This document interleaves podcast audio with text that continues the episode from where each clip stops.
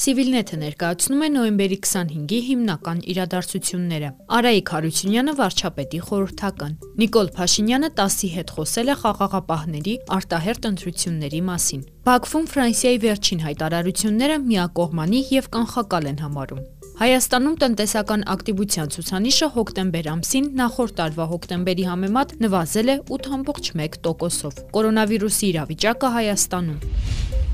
Կրթության, գիտության, մշակույթի եւ սպորտի նախկին նախարար Արայիկ Հարությունյանը նշանակվել է վարչապետ Նիկոլ Փաշինյանի գլխավոր խորհրդական։ Այս մասին որոշումը ստորագրել է վարչապետը։ Հարությունյանը 2018-ից կրթության, գիտության, մշակույթի եւ սպորտի նախարարն էր։ Նա օրեր առաջ էր ազատվել պաշտոնից։ Վարչապետ Նիկոլ Փաշինյանի որոշումներով Ռաֆիկ Գրիգորյանն ազատվել է Հայաստանի Հանրապետության Արդարադատության նախարարի առաջին տեղակալի, Նաիրա Մարգարյանը էկոնոմիկայի նախարարի տեղակալի պաշտոնից։ Ավելի վաղ պաշտոնից ազատվել էր նաև Պաշտպանության նախարարության երկու փոխնախարար։ Իմ քայլը խմբակցության падգամավոր Վարազդատ Կարապետյանը падգամավորական մանդատից հրաժարվելու դիմում է ներկայացրել։ Այս մասին նա գրել է Facebook-յան իր էջում։ Դեկտեմբերի 4-ից ստանձնում եմ Չինաստանում Հայաստանի առևտրային ներկայացուցիչ ուսուցչի պարտականությունները։ Այժմ առավել քան երբևէ Հայաստանին պետք են նոր կապեր, շուկաներ, հնարավորություններ, նոր ներդրումներ։ Առաջիկայում գործարաններին կներկայացնեմ մեր համատեղ գործողությունների հաջորդականությունները։ Գեղարքունիքի սիրելի ժողովուրդ, ձեզ ուզող խնդիրներն ու հարցերը շարունակեք ուղարկել ինձ։ Կաշխատեմ հնարավորինս նպաստել դրանց լուծմանը, գրել է Կարապետյանը։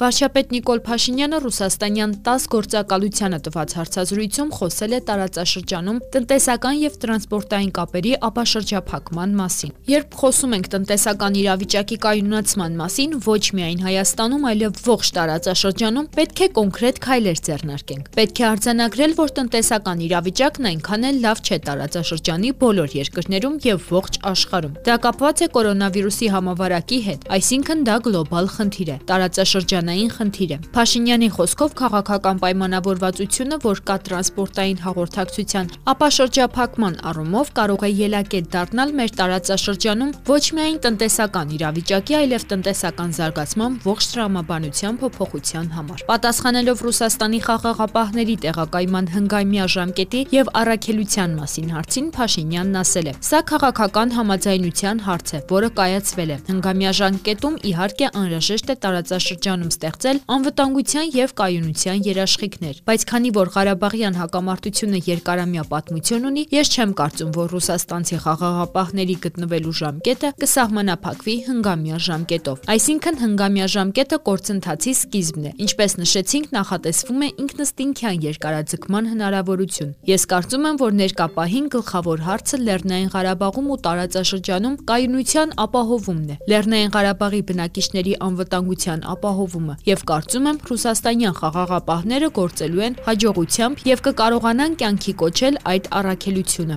Հայաստանի Հանրապետության վարչապետի խոսքով պետք է լիարժեք վերականգնվի բանակցային գործընթացը, սակայն այժմ կան ավելի հրատապ հարցեր, որոնք պետք է լուծվեն։ Նկատի ունեմ ռազմագերիների, պահվող անձանց ամբողջական փոխանակումը։ Կա անհետ կորածների, զոհվածների մարմինների փոխանակման հարցը։ Կարծում եմ, որ ներկա պահին պետք է կենտրոնանանք հենց այդ հարցերի վրա, ասել է Փաշինյանը։ mañana.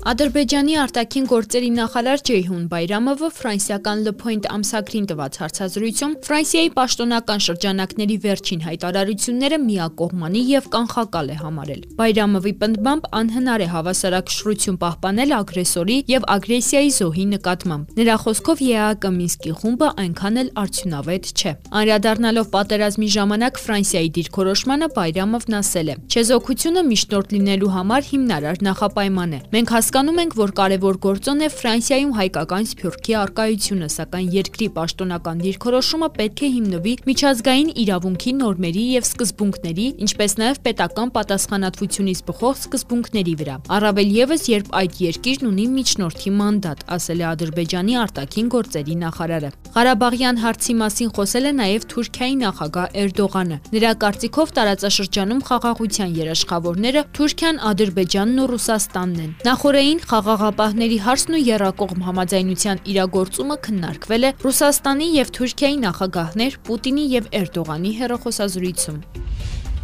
Հայաստանում տնտեսական ակտիվության ցուցանիշը հոկտեմբեր ամսին նախորդ տարվա հոկտեմբերի համեմատ նվազել է 8.1%-ով, իսկ սեպտեմբերի համեմատ նվազել է 3%-ով։ Այդ մասին տեղեկանում ենք ազգային վիճակագրական կոմիտեի սոցիալ-տնտեսական վիճակը բնութագրող մակրոտնտեսական ցուցանիշների հրապարակումից։ Առևտրի ու ծառայությունների շրջանառության ծավալը նվազել է 21%-ով, իսկ արդյունաբերական արտադրանքը 3%-ով։ Արտաքին առևտրաշրջանառությունը եւս նվազել է 19% 10%-ով։ Հատկապես խոսքը վերաբերում է ներմուծմանը։ Միակ ոլորտը, որտեղ անկում չկա, իսկ աճը չնչին է 0.3% շինարարությունն է։